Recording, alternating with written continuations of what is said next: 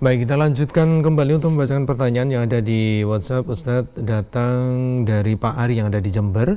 Apakah sholat Jumat itu ada qobliyah dan ba'diyahnya Ustadz? Mohon dijelaskan. Baik, kata-kata mungkin Jumat ada ba'diyah dan qobliyah mungkin perlu kami anu ya, perlu clear dulu artinya kalau qobliyah di Jumat kita biasanya uh, ketika Jumat itu imam uh, khotib ya, khotib belum naik ke mimbar, kita boleh saja sholat sampai menunggu uh, khotib naik ke mimbar. Ya, yang mungkin itu bahasanya qobliyah sebelum, tapi tidak melekat seperti rawatib yang kita duhur ada qobliyah duhur ya.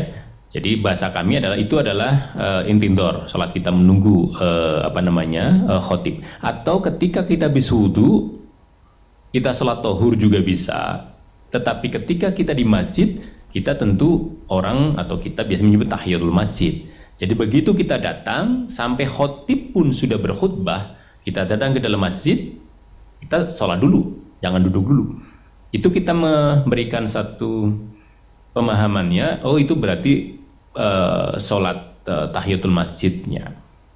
Nah begitu Pak Pak uh, siapa ya Pak Ari ya yang di di Bojonegoro. Yang kedua terkait dengan uh, badiahnya. Badiahnya ada ya. Kalau badiahnya malah ada kalau di masjid kita lakukan dua rakaat, dua rakaat, empat rakaat, dan ya dua rakaat salam, dua rakaat salam.